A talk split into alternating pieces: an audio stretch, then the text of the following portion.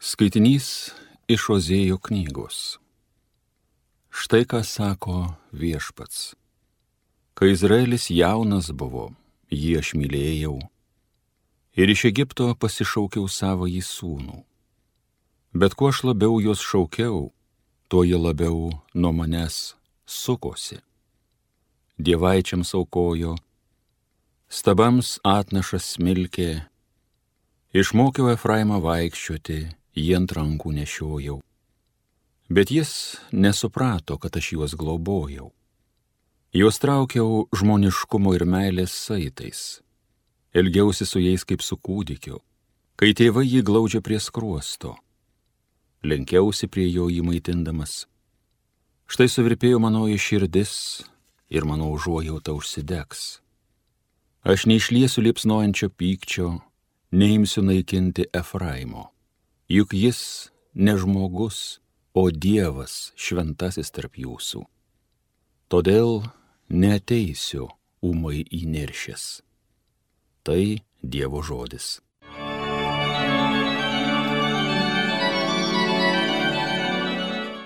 Ten nušvinta viešpatie veidas tavasis ir mes išgelbėti būsim. O Izraelio ganovę atidžiai paklausykė tavo į sostą laiko sparnai cherubinų. Pakilk su didžiaja savo galybė, ateik mūsų vaduoti. Ten nušvinta viešpatie veidas tavasis ir mes išgelbėti būsim. Dangaus kariuomenių viešpatie sugrįžki, pažvelk iš dangaus, pasižiūrėki ir aplankyk šitą vynmedžių sodą, globok jį, tavo rankų sodintą atžalą tavo užsiaugintą. Ten nušvinta viešpatie veidas tavasis ir mes išgelbėti būsim. Alleluja, alleluja, alleluja.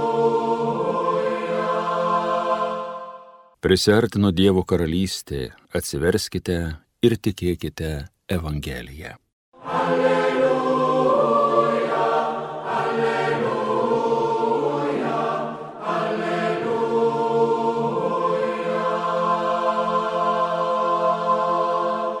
Pasiklausykite Šventuosios Evangelijos pagal matą.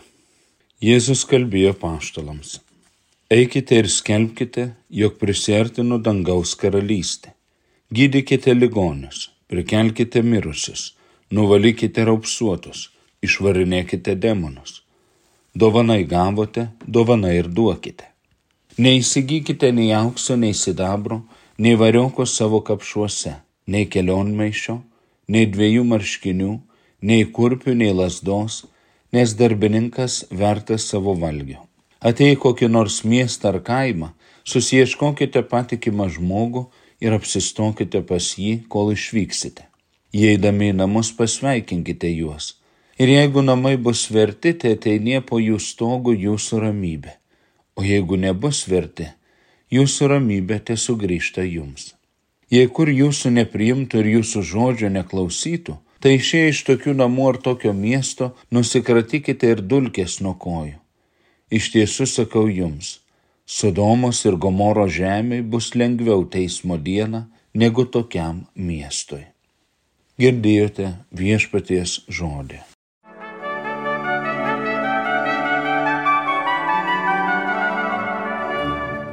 Kristaus bažnyčioje ne visi yra pašaukti atlikti apaštalų tarnystę, bet tie, kurie yra, jų laukia radikali užduotis. Eikite ir skelbkite, jog prisartino Dievo karalystė. Ką reiškia Dievo karalystė? Ar tai monarchijos įvedimas šiaip jau parlamentinėse ir prezidentinėse pasaulio valstybėse? Ką iš tiesų reiškia karalystė Evangelijoje? Tai ne valdymo forma, teritorija ar riba. Tai pats valdymas. Dievo karalystė tai Dievo visagalybė ir viešpatavimas. Dievo karalystė tai supratimas, kad galiausiai visos tikrovės ir gyvenimo karalius ir viešpats yra Dievas, kuris savo viešpatavimą įtvirtina per savo sūnų Jėzų Kristų, Dievo gailestingumą ir teisingumą ir šventąją dvasę, kuri yra jo veikimo ir malonės gale. Apaštalai, būdami Jėzaus mokiniais ir sekėjais, privalo skelbti, kad Jėzuje Kristuje pasauliui prisertino Dievo gale ir viešpatavimas. O pasaulis neskuba to atpažinti ir pripažinti, ypač tie, kurie šiame pasaulyje užima kokią svarbę vietą. Dažniausiai šiame pasaulyje turinčiam turtų ir galę Dievo viešpatavimo priartėjimas yra ne geroji, o blogoji naujiena. Tik šio pasaulio mažutėliams ir nelaimingiesiems, kurie taip dažnai susiduria su šio pasaulio galingųjų neteisybė ir išnaudojimu, Dievo karalystės priartėjimo žinia yra tikrai džiaugsminga ir teikianti viltį. Kadangi Dievas yra amžinas, tai ir jo karalystė amžina tiesos ir meilės karalystė, kurios pilnatvė Dievo amžinybėje. Tačiau nereikia būti labai turtingu ir galingu, kad nenorėtum įsileisti Dievo karalystės. Tam užtenka manyti ir elgtis, tarsi tu pats pati esi vienintelis, vienintelė, nepakartojamas, nepakartojama savo gyvenimo, savo šeimos, savo giminės, savo verslo karalius ar karalienė.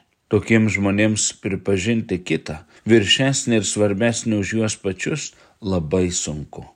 Nenostabu, kad ir šiandien netarp tikinčių yra nemažai tokių, kurie visą šio žemiškojo gyvenimo pastangas, sveikatą ir resursus sudeda kuriant ir skelbiant savo, o ne Dievo karalystę. Šios dienos Evangelija primena. Vis dėlto nuo pradžios buvo, yra ir bus Dievo tvarka ir pasibaigus žmogiškos laisvės pasireiškimui bus tik Dievo, o ne mūsų karalystė. O stebuklingo įkrekenavos Dievo motina, malonių versmė, dangaus ir žemės karalienė, lydėk mus visus link savo sunaus Jėzaus Kristaus karalystės įsipildymo. Amen.